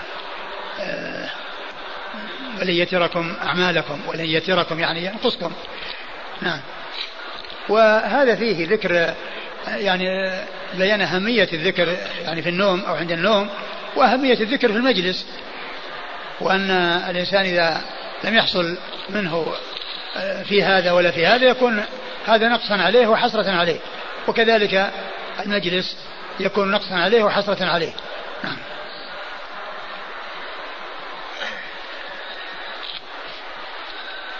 قال حدثنا حامد بن يحيى. حامد بن يحيى ثقة أخرج له. أبو داود. أخرج له أبو داود. عن أبي عاصم. عن أبي عاصم وهو الضحاك بن مخلد. أبو عاصم النبيل. وهو ثقة أخرج له أصحاب كتب الستة. وهو من كبار شيوخ البخاري الذين روى عنهم الثلاثيات. الذين روى عنهم الثلاثيات التي هي الأسانيد العالية عنده. هي من طريق يعني آه، آه، ثلاثة أشخاص أو أربعة. من شيوخه وأبو عاصم هذا أحدهم وقد روى عنه يعني جملة من الحديث الثلاثية. لأنها لأنه من أتباع التابعين أبو عاصم النبي. لأن الثلاثي صحابي وتابعي وتابع تابع. وأبو عاصم النبيل هو من أتباع التابعين. ومثله مكي بن إبراهيم روى عنه بعض الثلاثيات. محمد بن عبد الله الأنصاري روى عنه بعض الثلاثيات. نعم. عن ابن عجلان عن ابن عجلان وهو محمد بن عجلان المدني صدوق. حديث حديث البخاري تعليقا ومسلم وأصحاب السنن. عن المقبري المقبري هو وهو أبو سعيد المقبري وهو أبو سعيد المقبري وهو ثقة أخرجه اصحابه وسعيد وأبوه كلهم كلهم ثقات وكلهم رووا عن أبي هريرة مباشرة. في التحفة أنه سعيد. نعم. اللي هو اللي هو الابن. نعم. نعم. سعيد. سعيد بن كيسان. نعم. عن وكل منهم ثقة وكل من خرج له أصحاب الكتب الستة. عن أبي هريرة رضي الله تعالى عنه وهو الصحابي الجليل احد آه، أحد السبعه المعروفين بكثرة الحديث عن النبي عليه الصلاة والسلام بل هو أكثر السبع سبعة حديثا على الإطلاق رضي الله عنه وأرضاه.